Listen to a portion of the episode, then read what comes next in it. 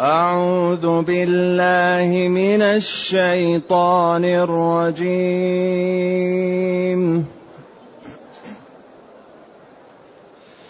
وإن يكذبوك فقد كذبت قبلهم قوم نوح وعاد وثمود.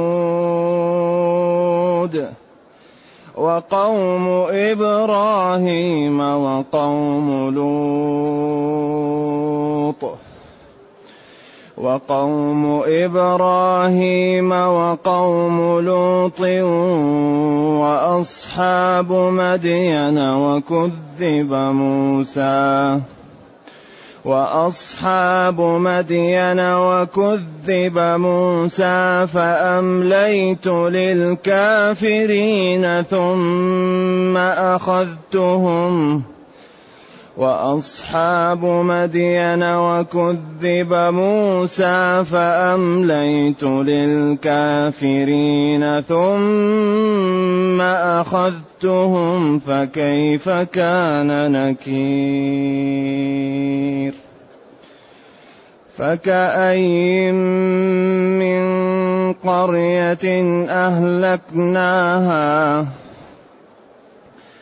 فكأي من قرية أهلكناها وهي ظالمة فهي خاوية على عروشها وهي ظالمة فهي خاوية على عروشها وبئر معطلة معطلة وبئر معطلة وقصر مشيد.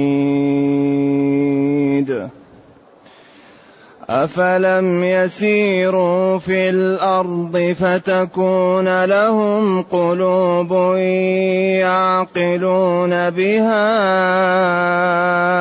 أو آذان يسمعون بها فإنها لا تعمى الأبصار فإنها لا تعمى الأبصار ولكن تعمى القلوب التي في الصدور.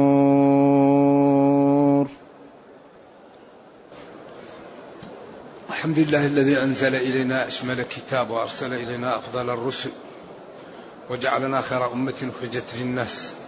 فله الحمد وله الشكر على هذه النعم العظيمة والآلاء الجسيمة. والصلاة والسلام على خير خلق الله وعلى آله وأصحابه ومن اهتدى بهداه. ما بعد فإن الله تعالى إذا أراد أن يغير حكما في أمر الناس متعلقة به لا بد أن يغيره عن طريق الإقلال والتدرج. وهذه طريقة جيدة في إزالة الشرور من النفوس وفي التعود على الخير. لذلك لما كان الجهاد في غاية الصعوبة يقول كتب عليكم القتال وهو كره لكم. كره. أول شيء أباحه لهم. أذن للذين وبعد مدة جعل جعلهم يقاتلون من يقاتلهم وقاتلوا في سبيل الله الذين يقاتلونك. فلما اطمأنت النفوس لذلك قال وقاتلوا المشركين كافة. انفروا خفافا وثقالا.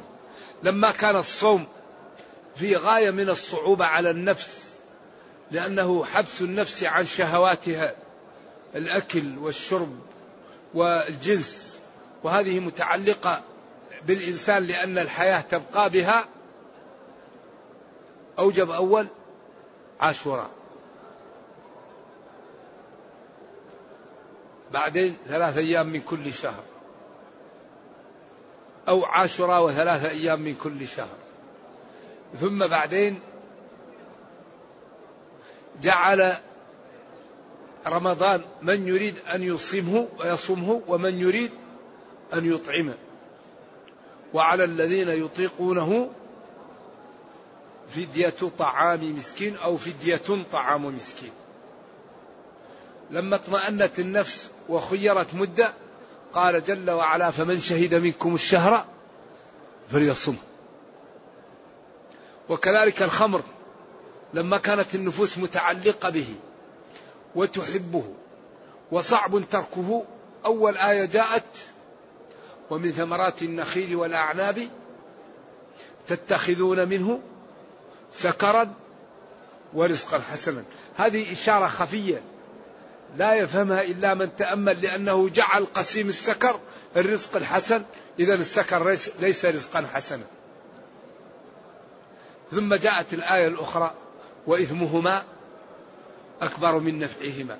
ثم جاءت الآية الثالثة لا تقربوا الصلاة وأنتم سكارى. ثم جاءت الآية الأخيرة فاجتنبوه لعلكم تفلحون. إنما يريد الشيطان أن يوقع بينكم العداوة والبغضاء في الخمر والميسر ويصدكم عن ذكر الله وعن الصلاة فهل أنتم منتهون؟ قالوا انتهينا انتهينا. وهذا الدين دين عجيب. الآية اللي عندنا. وإن يكذبك هذا تسلية لنبينا. وطمأنة له وتثبيت لقلبه. وإن يكذبك يا نبي قومك من قريش فالأمر ليس بدعا. الرسل قبلك كذبت وأوذيت وقد نصرت. فأنت ستنتصر وستكون العاقبة للمتقين وأنت منهم. وإن يكذبوك؟ أي قريش. فقد كذبت قبل فقد كذب الذين من قبلهم. فقد كذبت قبلهم. سبع أمم. نوح قوم نوح وعاد وثمود وقوم إبراهيم وقوم لوط وأصحاب مدين وقوم موسى. أو كذب موسى بلاه للمجهول لأن الذين كذبوه ليسوا بقومه وإنما هم الأقباط فرعون وجماعة وليسوا بقومه. ولذلك بنى الفعل للمجهول للسياق. إذا التكذيب الرسل هذا أمر جرت عليه عادة الأمم. فأنت اطمئن وادعو لدينك واعلم أن النصر لك وأن العاقبة للمتقين. إذا نحن الآن إذا أردنا أن ننتصر نعمل بالأمور المطلوبة منا. لأن الله لا يخلف الميعاد. وقال أوفوا بعهدي أوف بعهدكم. وقال جل وعلا ومن أصدق من الله قيلا ومن أصدق من الله حديثا قوله الحق. إذا أردنا العزة نأتيها من بابها. إذا أردنا الرفعة نأتيها من بابها. والنصر للمسلمين في نقطتين. المسلمون ينتصرون بنقطتين. النقطة الأولى أن يستقيموا على الدين. فاستقم كما أمرت. النقطة الثانية أن يعدوا لأعدائهم ما يستطيعون ولو عصى. إذا بهذين الركنين ينتصر المسلمون. الركن الأول الاستقامة.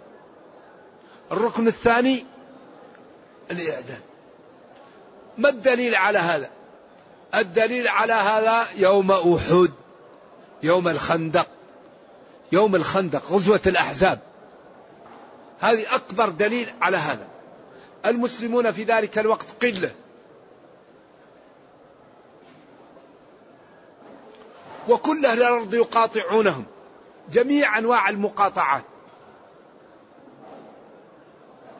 لكن المسلمين في هذا اليوم قاموا بالركنين الركن الأول قولهم هذا ما وعدنا الله ورسوله وصدق الله ورسوله وما زادهم إلا إيمانا وتسليما. إذا آمنوا وسلموا. هذا الركن المعنوي. آمنوا وسلموا. إذا الإيمان والتعلق بالله ضروري للمسلم. يا أيها الذين آمنوا إذا لقيتم فئة اثبتوا هذا الجانب الحسي. بعدين الجانب المعنوي واذكروا الله كثيرا. هذا هذه الجرعة الإيمانية هي التي ينتصر بها المسلم. بعدين قاموا بالجانب الحسي وهو حفر الخندق. إذا ما عندهم عملوه الباقي ليس عليهم. نصرهم الله بشيء لم يكن في الحسبان. أصبحوا كل ما نصبوا خيمة نسفتها الريح. كل ما عقلوا جمل نسفت الريح عقالة كل ما وضعوا قدر نسفته الريح. وجاءت الملائكة. ورمتهم بالحصباء وبثت في قلوبهم الرعب. وخرجوا مهزومين مدحورين وامتن الله على المسلمين. إذا من ينصر بالرياح والملائكة ينبغي أن تكون العلاقة به على ما أراد على ما شرع. وبعدين امتن الله وقال يا أيها الذين آمنوا اذكروا نعمة الله عليكم. جاءتكم جنود أي جنود كثيرة قريش وغطفان وهوازن والأحابيش وجاءوا من فوق المدينة ومن أسفلها حتى وصف الله الموقف وقال جاءوكم من فوقكم ومن أسفل منكم وإذ زغت الأبصار وبلغت القلوب. هذا تعبير عن شدة الخوف. هنالك ابتلي المؤمنون وزلزلوا زلزالا شديدا. فقاموا بالركنين فنصرهم الله بشيء لا طاقة لهم به ولا حيلة لأهل الأرض بذلك. الملائكة والرياح. وقال اذكروا نعمة الله عليكم إذ جاءتكم جنود أي جنود كثيرة فأرسلنا عليهم ريحا وجنودا لم تروها. إذا العزة أن نسير بالطريقة المرسومة لنا. الرفعة أن نستقيم. القوة أن نستقيم. الغلبة أن نستقيم. لأن الله تعالى غالب وكريم وقادر. فكيف ينصر من من يعصيه؟ كيف ينصر من يستبطن عداءه؟ كيف ينصر من يعادي أولياءه؟ ولذا قال وأتوا البيوت من أبوابها. إذا ونصر الله المسلمين. إذا إذا كذبك قومك فقد كذبت رسل من قبلك. وقد كذب الذين من قبلهم قوم نوح أول الرسل. كذبه قومه وقالوا له بعد أن كنت نبيا صرت نجارا وجلس فيهم ألف سنة إلا خمسين عام. بعدين قال لن يؤمن من قومك إلا من قد فدعا عليهم. فقال له ربه اصنع إيش؟ الفلك. فبدأ يغرس الشجر ويقطع ويغرسه مدة وبعدين يجففه وعمل السفينة. وهم يضحكون ويسخرون. وبعدين ركب هو ومن آمن معه وما آمن معه إلا قليل. وقال لابنه يا بني تعالى اركب معنا. قال له أنا أطلع إلى الجبل. قالوا لا عاصم اليوم من أمر الله إلا من رحم وكان نوح مطمئن أن ولده ينجو لأنه قال إنا منجوك وأهلك والله لا يخلف الميعاد. فتركوا. وبعدين قال الله تعالى للأرض فجر الماء وقال للسماء أنزل المطر حتى إذا جاء أمرنا وفار التنور فانتصر ففتحنا أبواب السماء بماء منهمر وفجرنا الأرض عيونا. التنور وجه الأرض. على القول الراجح. والتنور وجه الأرض.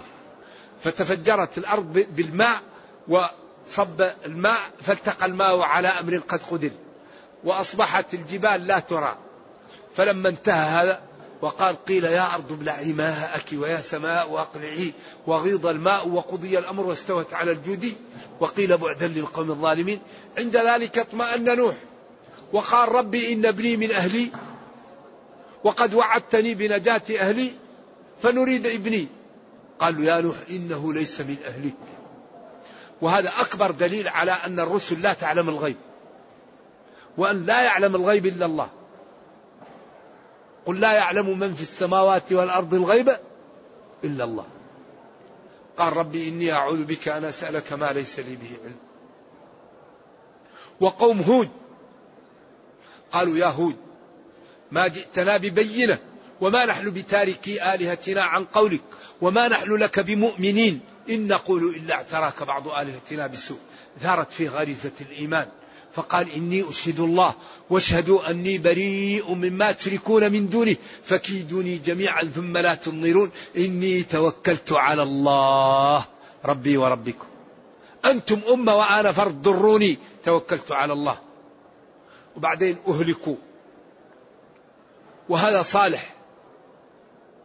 قال له قومه لا نؤمن لك حتى تخرج لنا من هذه الصخرة. ناقة قال اللهم أخرجها فخرجت. وبعدين في النهاية ذبحها أشق... قدار أشقاهم. تمتعوا في ذلكم ثلاثة أيام ثم عياذا بالله هلكوا إلى آخر هؤلاء. فرعون. هذا قال لموسى. أعطيني بني إسرائيل. قال لا. أمن خير من هذا الذي هو مهين ولا يكاد يبين.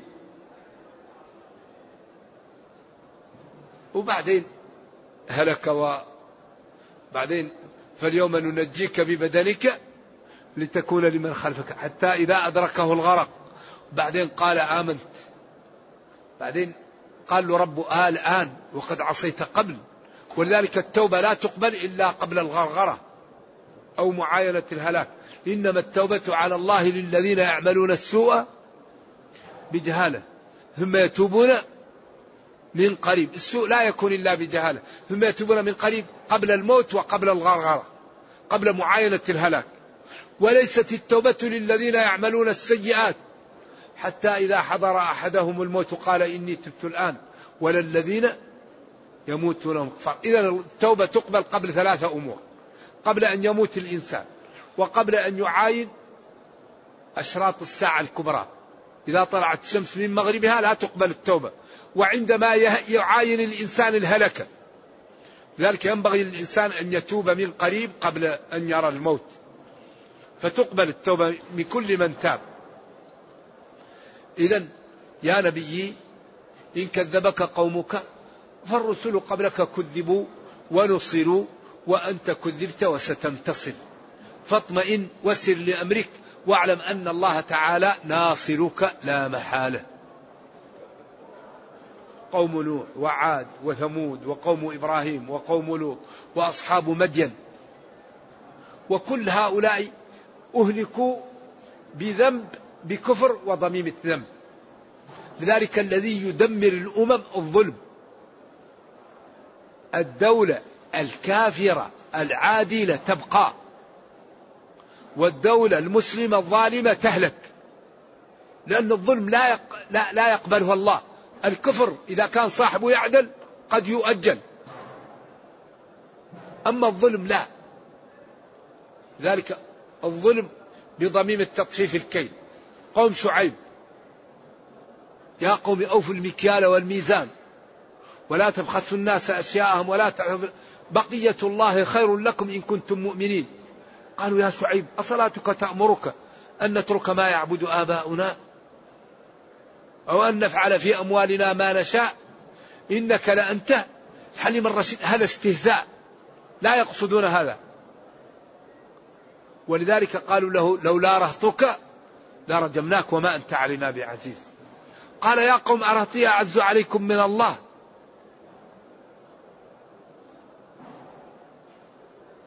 ف وهذا آه، لوط قال لهم ناقة الله تركوها. آه، صالح. وهذا لوط قال لهم اتركوا عنكم. هؤلاء بناتي بنات الحي تزوجوهن أطهر لكم. فاتقوا الله ولا تخزوني في ضيفي. أليس منكم رجل رشيد؟ قالوا لقد علمت ما لنا في بناتك من حق وإنك لتعلم ما نريد. حتى جاءت نقطة الصفر قال لو أن لي بكم قوة أو آوي إلى ركن شديد. يرحم الله لوط. كان يأوي إلى ركن شديد. حتى قال له جبريل يا لوط إنا رسل ربك. لن يصلوا إليك. وأخذ جبريل يده ومسحها على أعينهم. فلم يبقى في الوجه محل. أصبح الوجه كالكف. طمسنا أعينهم. والفم والأنف. فأصبح الوجه مثل القفا. كتلة واحدة. لم يبق محل. ووضع جناحه تحت القرى ورفعها وقلبها. إذا من الجنون أن يعصى الله. من الجنون أن لا تنفذ أوامر الله. من الجنون أن المسلم طول حياته لا يعرف مواصفات العبادة التي بها تقبل.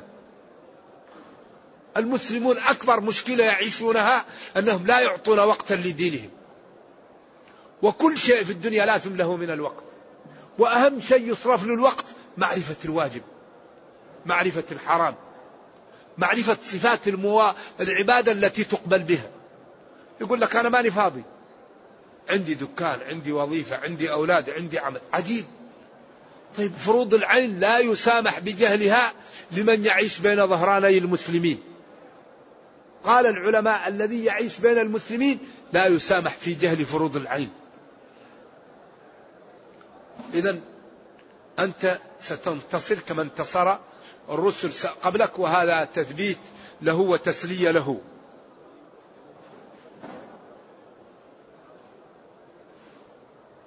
فأمليت للكافرين أمهلتهم ولذلك إن الله ليملي للظالم حتى إذا أخذه لم يفلت. وكذلك أخذ ربك إذا أخذ القرى وهي ظالمة إن أخذه أليم شديد. كان الصحابة يخافون من النعم. وكان أبو بكر يخاف من النفاق وعمر وعمر يقول لحذيفة أب الله عليك؟ قال لك رسول الله إني منافق. يقول لا والله لا أزيدك. لأنه كان أمين سر رسول الله صلى الله عليه وسلم. كان الناس يسألونه عن الخير قال وكنت أسأله عن الشر مخافة أن يدركني. وقال لهم سألهم يوم عن الفتنة. قال فتنة الرجل في بيته ومع أهله تكفرها الصلاة والصوم. قال الفتنة التي تموج موج. قال نعم أعلمها. قال إنك عليها لجريء. والحديث الصحيح. قال يا أمير المؤمنين بينك وبينها حجاب. بينك وبينها باب. لا تخاف. بينك وبين الفتنة باب. قالوا ما هو الباب؟ قال الباب عمر.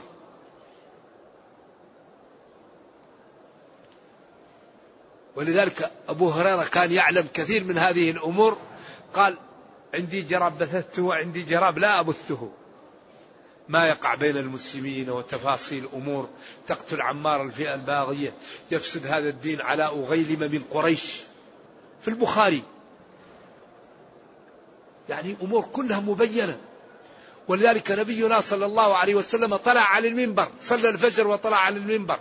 وجلس يخطب حتى جاء الظهر وجلس وصلى وطلع على المنبر حتى جاء العصر وجلس وصلى حتى الغرب من الصباح إلى الليل فلم يبق شيء إلا بينه. لأن الله قال لتبين للناس ما نزل ولما قال اللهم فشل ألا بلغت اللهم فشل فأي شيء نحتاجه في ديننا؟ بس يحتاج أن نقرأ نعطيه وقت حتى نفهم الواجب نفهم الحرام. نفهم الأحكام. أما إذا كانت الأمة لا تقرأ دينها من أين لا تفهمه؟ أي فأمهلت الكافرين ثم أخذتهم. فكيف كان عقاب؟ أي كان عقابي عقابا شديدا. سواء كان ذلك في بدر أو يوم القيامة. فكيف كان نكير؟ ثم أخذتهم فكيف كان نكير؟ كيف كان إنكاري وعقوبتي لهم لما عملوا من المعاصي. كأي كائن. كلهم قراءة سبعية. وكأي ككم؟ ومميزها يأتي مجرورا ومنصوبا. وأكثر ما جاء في القرآن مجرور. كأي من قرية أيوة. كأي من آية في السماوات والأرض. فكأي مثل كم؟ أي كثير. نعم. فمجرورها مجزها يجر وقد ينصب. نعم.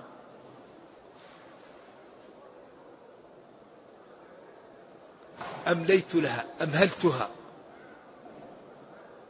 والحال أنها ظالمة. فكأي من قرية أهلكناها. أي كثير من القرى أهلكناها. يعني أهلكنا أهلها. كما قال اسأل القرية. ولذلك القرآن نزل بلسان عربي مبين. فيقال اسأل القرية.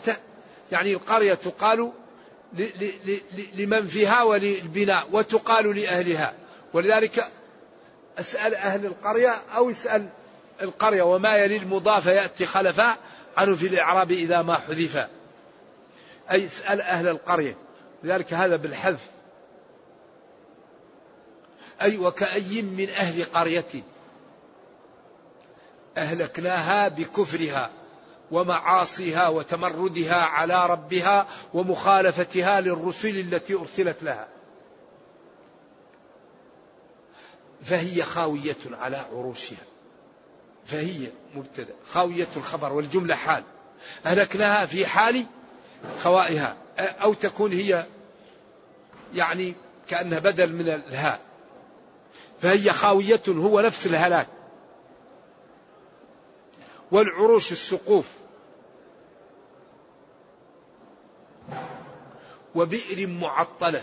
بئر لا زالت قائمة لكن لا أحد ينزع منها الماء لأن أهلها أهلكوا. وقصر مشيد. وقصر مشيد فيها إشكال لأنه قال فهي خاوية وقال وقصر مشيد. ولكن هذا ينظر أن الذين أهلكوا بعضهم دمروا وبعضهم لا زالت بناياتهم قائمة كما هو حاصل لقوم صالح. الآن ينحتون من الجبال بيوتا فرهين لا زالت بيوتهم كأنها منحوتة اليوم في رؤوس الجبال قائمة. ولذلك قال منها قائم وحصيد. فهي خاوية الحصيد ومنها قائم هو القصر المشيد. وهذا يجمع بين القولين وهذا اختيار الوالد في الأضواء رحمة الله علينا وعليه. قال هذا الذي يظهر. والقصر المشيد مطلب الشيد أو مطول أو مقوى أو هما الثلاثة. فالمشيد المقوى والمشيد المطلب الشيد والمشيد الذي طول ولا مانع من الثلاثة أن يكون قوي ومطلب الشيد وطويل. ثم قال ألم ينتبه هؤلاء فيسيروا في الأرض؟ لذلك هذا الدين لا يقال لأتباعه ادخلوا في الإسلام. لا يقنعهم. فإذا أقنعهم يقول لهم اعبدوا ربكم. أو يقول لهم اعبدوا ربكم ويحدث تساؤل ضمني ويذكر أمور لا يقدر عليها إلا الله. ذلك قال أم خلقوا من غير شيء؟ أم هم الخالقون؟ أم خلقوا السماوات والأرض؟ كل ذلك لم يقع. إذا بل لا يؤمنون ويعلمون أن خلقهم الله. وقال اعبدوا ربكم إيش؟ الذي خلقكم. وخلق من قبلكم.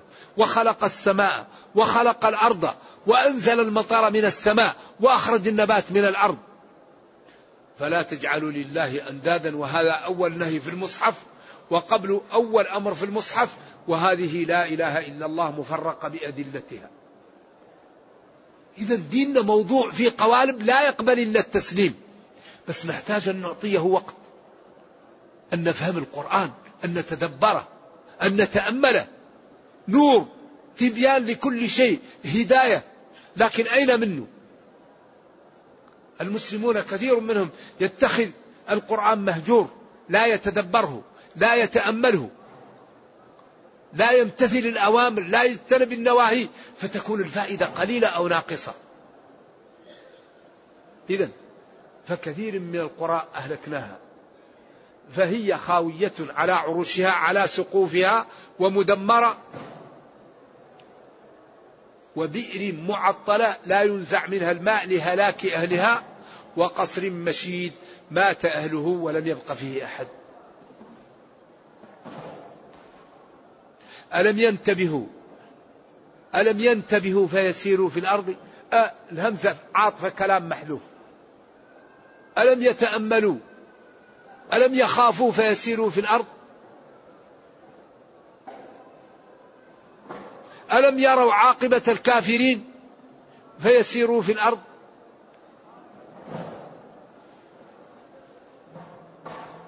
فتكون لهم قلوب يعقلون بها. قلوب. هنا وقفة. خفيفة. وهو أن القلب محله هنا. ليس محل القلب هنا. هذا خطأ. ولذلك في الآية إعجاز لقوله تعالى ولكن تعمى القلوب التي في الصدور. مومئة إلى أن ناس يأتوا ويقولوا العقل ليس في الصدر. هذا إعجاز قرآني. ولذلك هي مسألة اتفاقية ظنها الفلاسفة لزومية قالوا كل ما اختل الدماغ اختل العقل إذا العقل في الدماغ. هي مسألة اتفاقية ما هي لزومية؟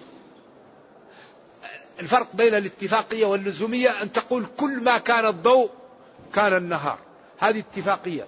قد يكون الضوء من الشمس فيكون النهار وقد يكون الضوء من السراج فتكون اتفاقية. لكن إذا قلنا كلما كانت الشمس كان الضوء هذه لزومية. فهم قالوا كلما اختل شيء في الدماغ اختل العقل إذا العقل في الدماغ. إذا نقول إذا نقول اليد يختل شيء في الدماغ تختل اليد إذا نقول اليد هي الدماغ. اختل شيء في الدماغ اختل النطق. نقول إذا اللسان هو الدماغ. سلامة الجسم كله مربوطة بسلامة الدماغ لكن كل الأعضاء في محلها. كم من واحد يضرب رأسه فيفقد البصر؟ إذا نقول البصر هو الدماغ ما هو الدماغ؟ يضرب في رأسه فتتعطل حركة اليد. نقول اليد هي الدماغ يضرب رأسه فيتعطل الطعم عنده. نقول اللسان هو الدماغ يتعطل النطق عنده. فنقول الشفتين واللسان هي الدماغ لا. إنما مربوط سلامة الجسم بسلامة الدماغ والعقل في الصدر. لأن الله قال ولكن تعمى القلوب التي في الصدور قال أم لهم قلوب يعقلون بها؟ ما قال أم لهم أدمغة يعقلون بها؟ وقال أنتم أعلم أم الله؟ وقال ألا وإن في الجسد مضغة. إذا صلحت صلح الجسد كله.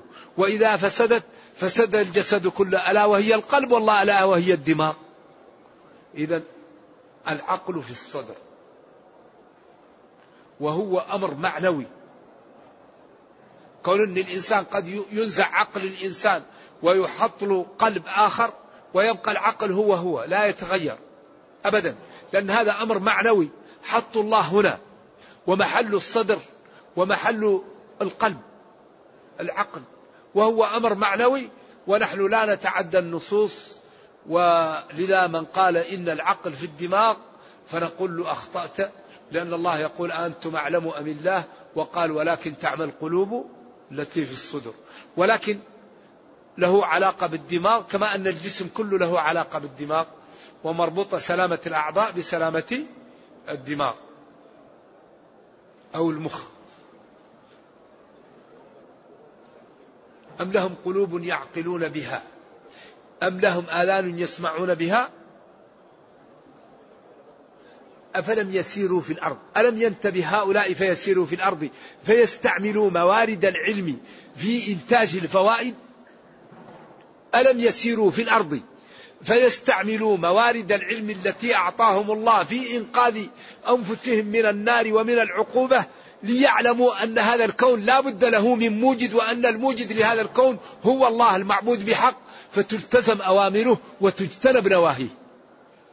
ألم يسيروا في الأرض؟ ولذلك الله أعطانا موارد العلم لنشكره. قال جل وعلا والله أخرجكم من بطون أمهاتكم لا تعلمون شيئا وجعل لكم السمع والأبصار والأفئدة لعلكم تشكرون. أعطاك موارد العلم لتستعملها في طاعة الله وفي شكره وفي امتثال أوامره واجتناب نواهيه. ثم قال لهم ألم ينتبه هؤلاء فيسيروا في الأرض فتكون لهم قلوب يعقلون بها أن هذا الكون لا بد له من موجد وأنه لا بد له من مبدع وأن مبدعه هو الذي أرسل لهم الرسل وأمرهم بطاعتهم واتباع ما جاءوهم به. أو آذان يسمعون بها القرآن والحجج والأدلة والبراهين. ثم بين أن حجب موارد العلم عن الإفادة أنها من الله وأنه إذا أراد أن العين والسمع وهذه الموارد لا تنفع وأن العقل يختم عليه فعل ذلك. فإنها لا تعمى الأبصار ولكن تعمى القلوب التي في الصدور. ولذلك أهل النار محجوبون عن الفهم. ولقد ذرأنا لجهنم كثيرا من الجن والإنس. لهم قلوب لا يفقهون بها ولهم أعين لا يبصرون بها ولهم آذان لا يسمعون بها. ولذلك قال يوم القيامة أسمع بهم وأبصر يوم يأتوننا. لكن الظالمون اليوم في ضلال مبين. يقضى على المرء في أيام محنته حتى يرى حسنا ما ليس بالحسن. إذا النتيجة أننا لا بد أن نفهم هذا الدين وأن نتمثله لنسعد في دنيانا وأخرانا. إذا يقول فإنها أي الأمر والشأن لا تعمى الأبصار هذه ولكن تعمى القلوب التي في الصدور. والحقيقة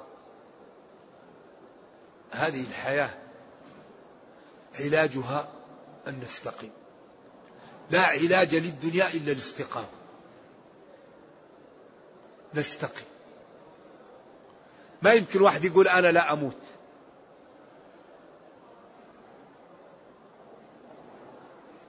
ما يمكن واحد يقول لا أبعث.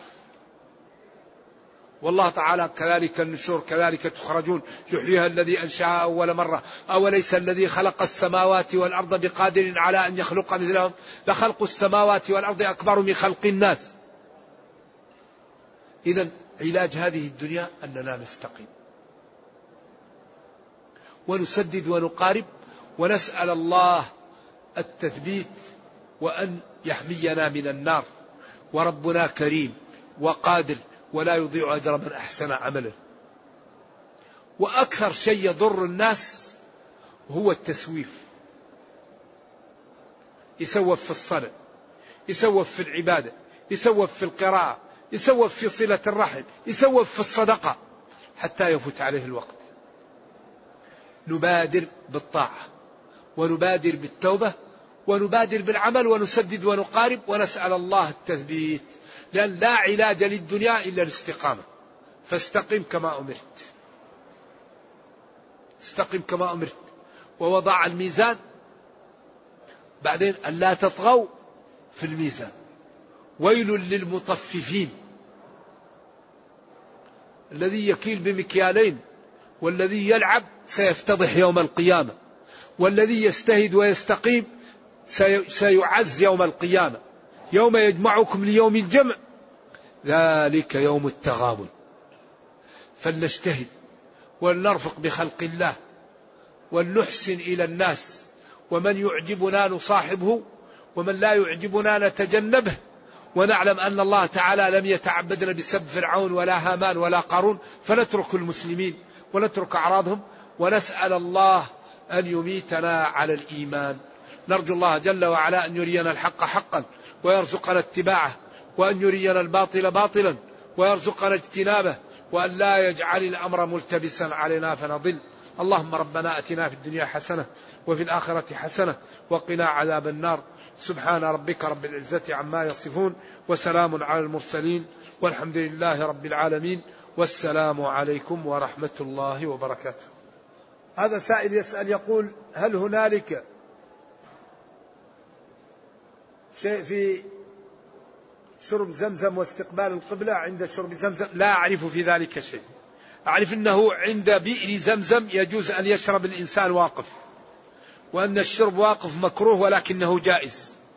أيوه. وقد يفعل صلوات الله وسلامه عليه للمكروه مبينا أن الكراهية للتنزيه وربما يفعل للمكروه مبينا أنه للتنزيه.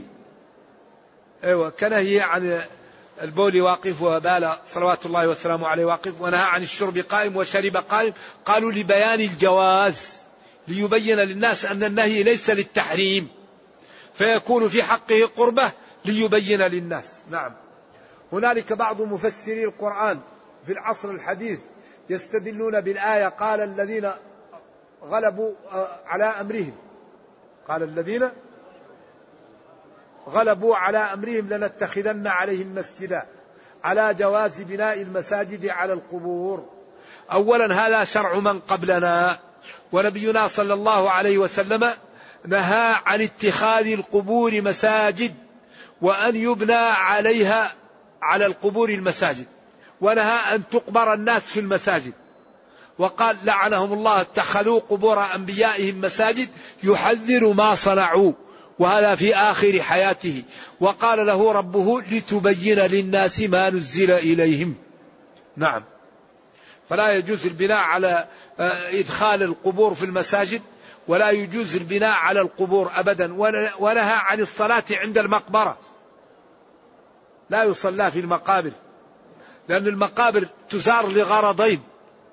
الغرض الأول الاتعاظ وأنك ستموت وتوضع في التراب. الغرض الثاني لتدعو لهؤلاء الذين انقطعت أعمالهم وكفت أيديهم عن العمل وشاهدوا الحقيقة. ولذلك قال صلوات الله وسلامه عليه كنت نهيتكم عن زيارة القبور فزوروها فإنها تذكر الآخرة الموت. ولما جاءها قال السلام عليكم أهل الديار من المؤمنين وإنا إن شاء الله بكم لاحقون. يغفر الله لنا ولكم. يغفر الله لنا ولكم. ولذلك الخير كله في الاتباع.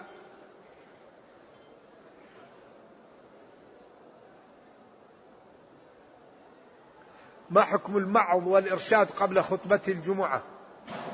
خطبة الجمعة يوم الجمعة تكفي من الوعظ والإرشاد. ولكن إذا كان الإنسان في بلد لا يعرفون العربية وكانوا يجتمعون من أماكن بعيدة يوم الجمعة وإذا لم يحدثهم بلغتهم وخطب باللغة العربية لا يفهمون فلا مانع من أن يعطيهم دروسا للتعليم يوم الجمعة لأن هذا درس علمي وليس وعظا. أما الوعظ يوم الجمعة فيكفي منه الخطبة. نعم. أما إذا كان درس علمي فيعمل يوم الجمعة ويوم الخميس وكل الأيام.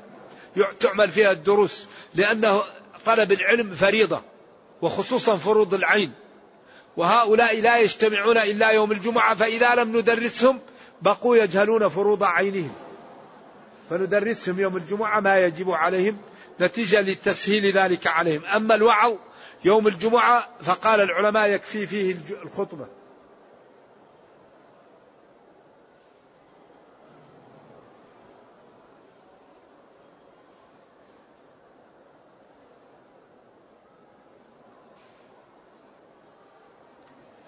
يقول إن أباه تزوج امرأة ثم بعدها تزوج امرأة أخرى.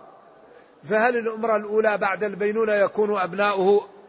كل أبناء زوجاته التي تزوجها هم محارم لهم. وحلائل أبنائكم. و, و, و, و إيش؟ و لأن المحارم 18 المحرمات 18 المؤبدة. سبعة بالرضاع. وسبعة بالنسب وأربعة بالمصاهرة وثلاثة محرمة لكن تحريمها مؤقت لا يجوز أن تلمسها اللي هي أخت الزوجة وعمتها وخالتها. أما أم الزوجة وبنت الزوجة المدخول بها وإيش؟ بأمها وزوجة الإبن وزوجة الأب. ولا تنكحوا ما نكح آباؤكم من النساء. فأي امرأة تزوجها أباك فأبناء وأبناء أبناء أبناء محارم لها. ولو بانت منه.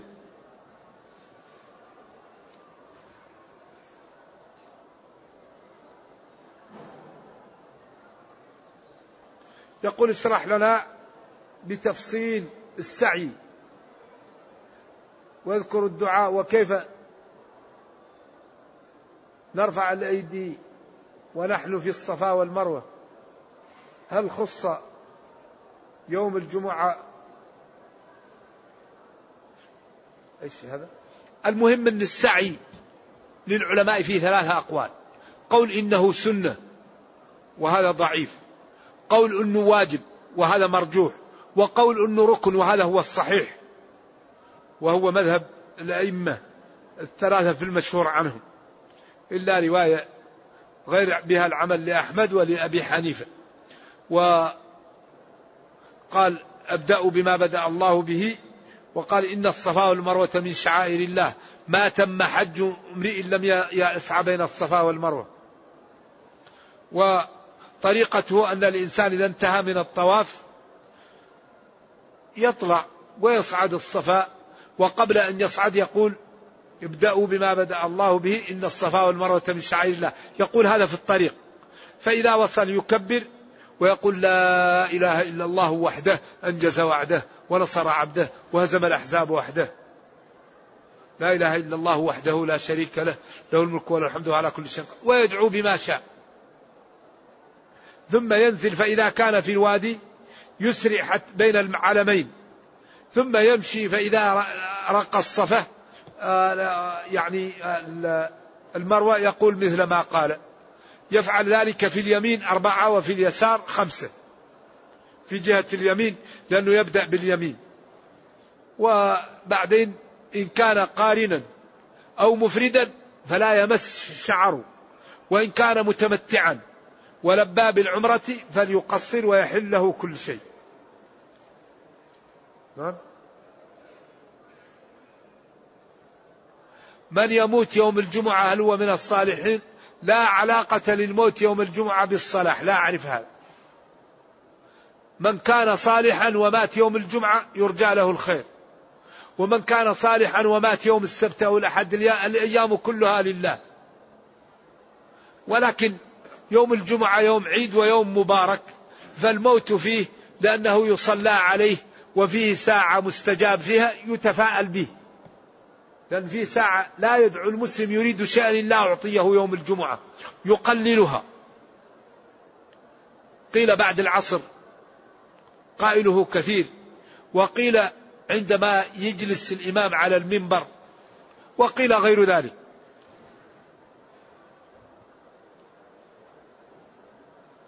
يقول أقسمت على نفسي أن لا أفعل معصية وعملت ما الحكم؟ تتوب إلى الله وتنوى أن لا تفعل المعصية. هل يجوز للحائض أن تدخل المسجد الحرام والنب... لا إلا لضرورة. لا لا. المسجد لا تدخله الحائض ولا الجنب ولا الكافر. الكافر لا يدخل المسجد والجنب لا يدخل المسجد والحائض لا تدخل المسجد. ما إنما يعمر مساجد الله أيش وطهر بيتية للطائفين والقائمين والركع السجود. المساجد للعبادة والحائض والجنب والكافر ليسوا محل الصلاة ولا لقراءة القرآن والمسجد للصلاة وقراءة القرآن. ولذلك قال ما كان للمشركين أن يعمروا مساجد الله.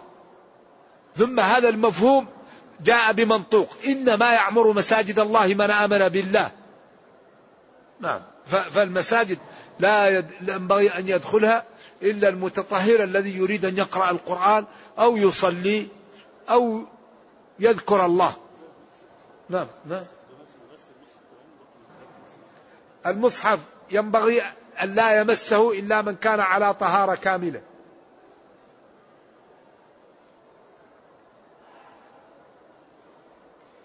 ما معنى اليمين المغموس؟ اليمين الغموس هي التي يحلف الإنسان وهو يعلم أنه كاذب لأنها تغمسه في النار. يقول والله ما فعلت وهو فعل ويقول والله لقد فعلت وهو فعل. يمين الذي يعملها وهو يعرف إنه كاذب تغمسه في النار.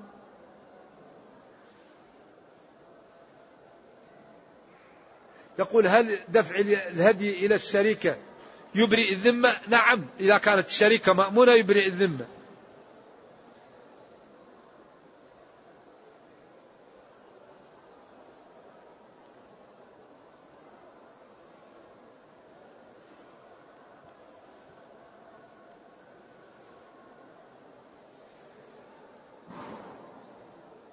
يقول أمه عملت عمرة في ذي القعدة. وتنوي أن تحج مفردة فهل يصح الإفراد هو أن يعمل الإنسان حجا ولم يعمل قبله عمرة ولم يشرك معه عمرة في أشهر الحج. أنساك ثلاثة. واحد يسمى الإفراد واحد يسمى التمتع واحد يسمى القران. والقران والتمتع كل منهم يسمى تمتعا في الشرع. فالقران أن تقول لبيك حجا وعمرة والفرق بين الإفراد والقران على القول الراجح النية فقط. لا فرق بين الإفراد والقران إلا أن تقول لبيك حجا لبيك حجا وعمرة. يدخل أعمال العمرة في الحج لكن لازم تذبح شيء إذا كنت من غير أهل المسجد الحرام. الإفراد أن تقول لبيك حجا ولم تعمل عمرة في أشهر الحج. التمتع أن تعمل عمرة في أشهر الحج في شوال أو ذي القعدة أو في أول ذي الحجة ثم تبقى جالس في مكة فإذا كان يوم التروية تحرم بالحج وتطلع للحج فيقال متمتع. والتمتع يكون لمن عمل عمرة من غير أهل مكة وبقي في مكة. أما إذا رجع لبلده فالحق أنه ليس بمتمتع على القول الراجح. نعم.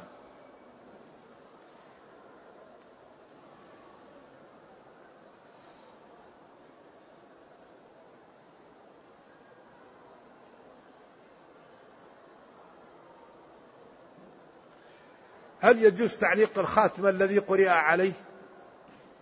هذا يقول له نعم أو لا؟ ليش نقول نعم أو لا؟ الخاتم هذا لما يحط الإنسان؟ هل النبي صلى الله عليه وسلم قرأ على خاتم وعلقه شخص؟ الذي يقرأ يقرأ القرآن وينفذه على المريض. البقرة آية الكرسي الفاتحة المعوذتين. أما القراءة ووضعها في شيء وتعليقها من علق شيئا وكل إليه. من علق تميمة فلا أتم الله له على القول الراجح. وبعدين يكون فيه قرآن وفيه حديث فيه قرآن وجلد. فيكون القرآن اشترك معها غيره. فذلك الذي يريد أن يرقي يرقي بالسنة.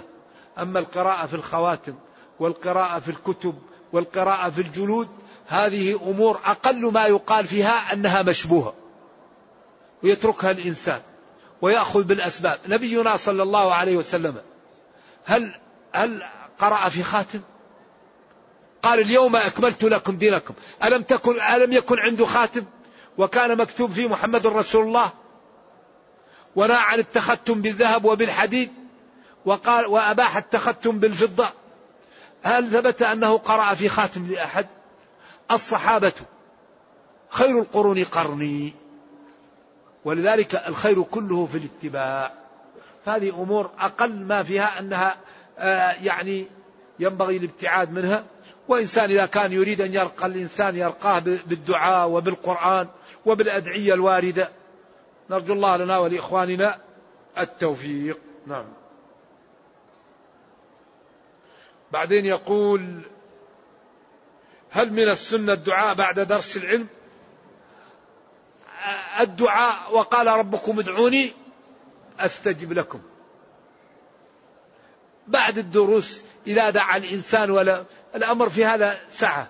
لكن لا أعلم ان أن من السنة أن الإنسان يدعو بعد الدرس. لكن الإنسان كان يعلم والتعليم فيه الخير.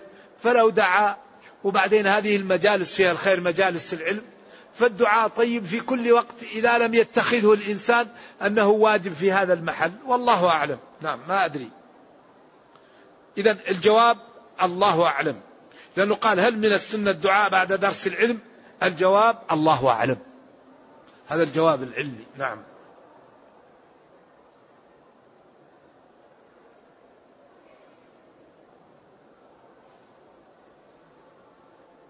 يقول ميت خصص مالا ليحج ولكنه مات.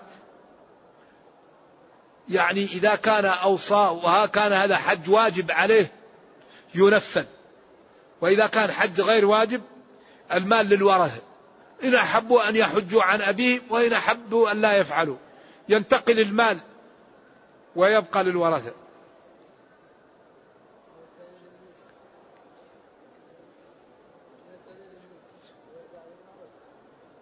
نعم. فضيلة الشيخ يقول رب العزة ناصية كاذبة.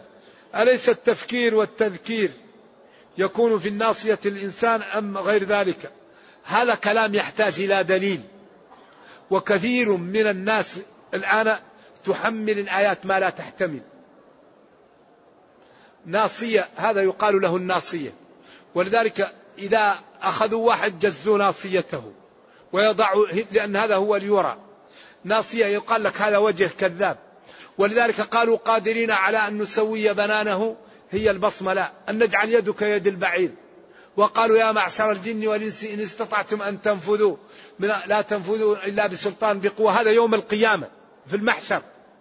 ولذلك ينبغي لمن يريد أن يتكلم في القرآن أن يقف على ما قال العلماء.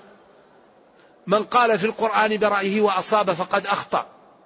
ينبغي لمن يريد أن يتكلم في القرآن أن يعرف أسباب النزول والناسخ والمنسوخ ويقف على ذا ولا يتكلم على القرآن برأيه. ناصية كاذبة يعني هذا إنسان كذاب. أيوة وليس المقصود أن هنا فيه التفكير. لا لا هذا بعيد. وإن كان قد يتحمل لكن ليس كما قال هناك قادرين على أن نسوي بنانه البصمة لا أن نجعل يدك يد البعير. ما يقدر يعد ولا يحقل تكون الأد كلها الأصابع مقترنة. فلا يستطيع أن يعمل الأمور الدقيقة ولا يعمل شيء. كما قال نحن خلقناهم وشددنا أسرهم. وإلا يقال جرى فلان وسقطت رجله أو سقطت أذنه شددنا أسرهم. وفي أنفسكم جعل لك عين عذبة تجم لك على قدر الحاجة. علمه البيان. وأعطاك العيون وجعل الكرش الضعيفة حولها العيون تحرسها. والظهر اللي ما عنده عيون قوي لو يضرب شيء يتحمل. وفي أنفسكم أفلا تبصرون. ينبغي أن لا نستعجل. ولا نتكلم في القرآن إلا بعلم هذا هذا كتاب كتاب معجزة خالدة. فالكلام فيه لا بد أن يكون بعلم نعم. نرجو الله التوفيق.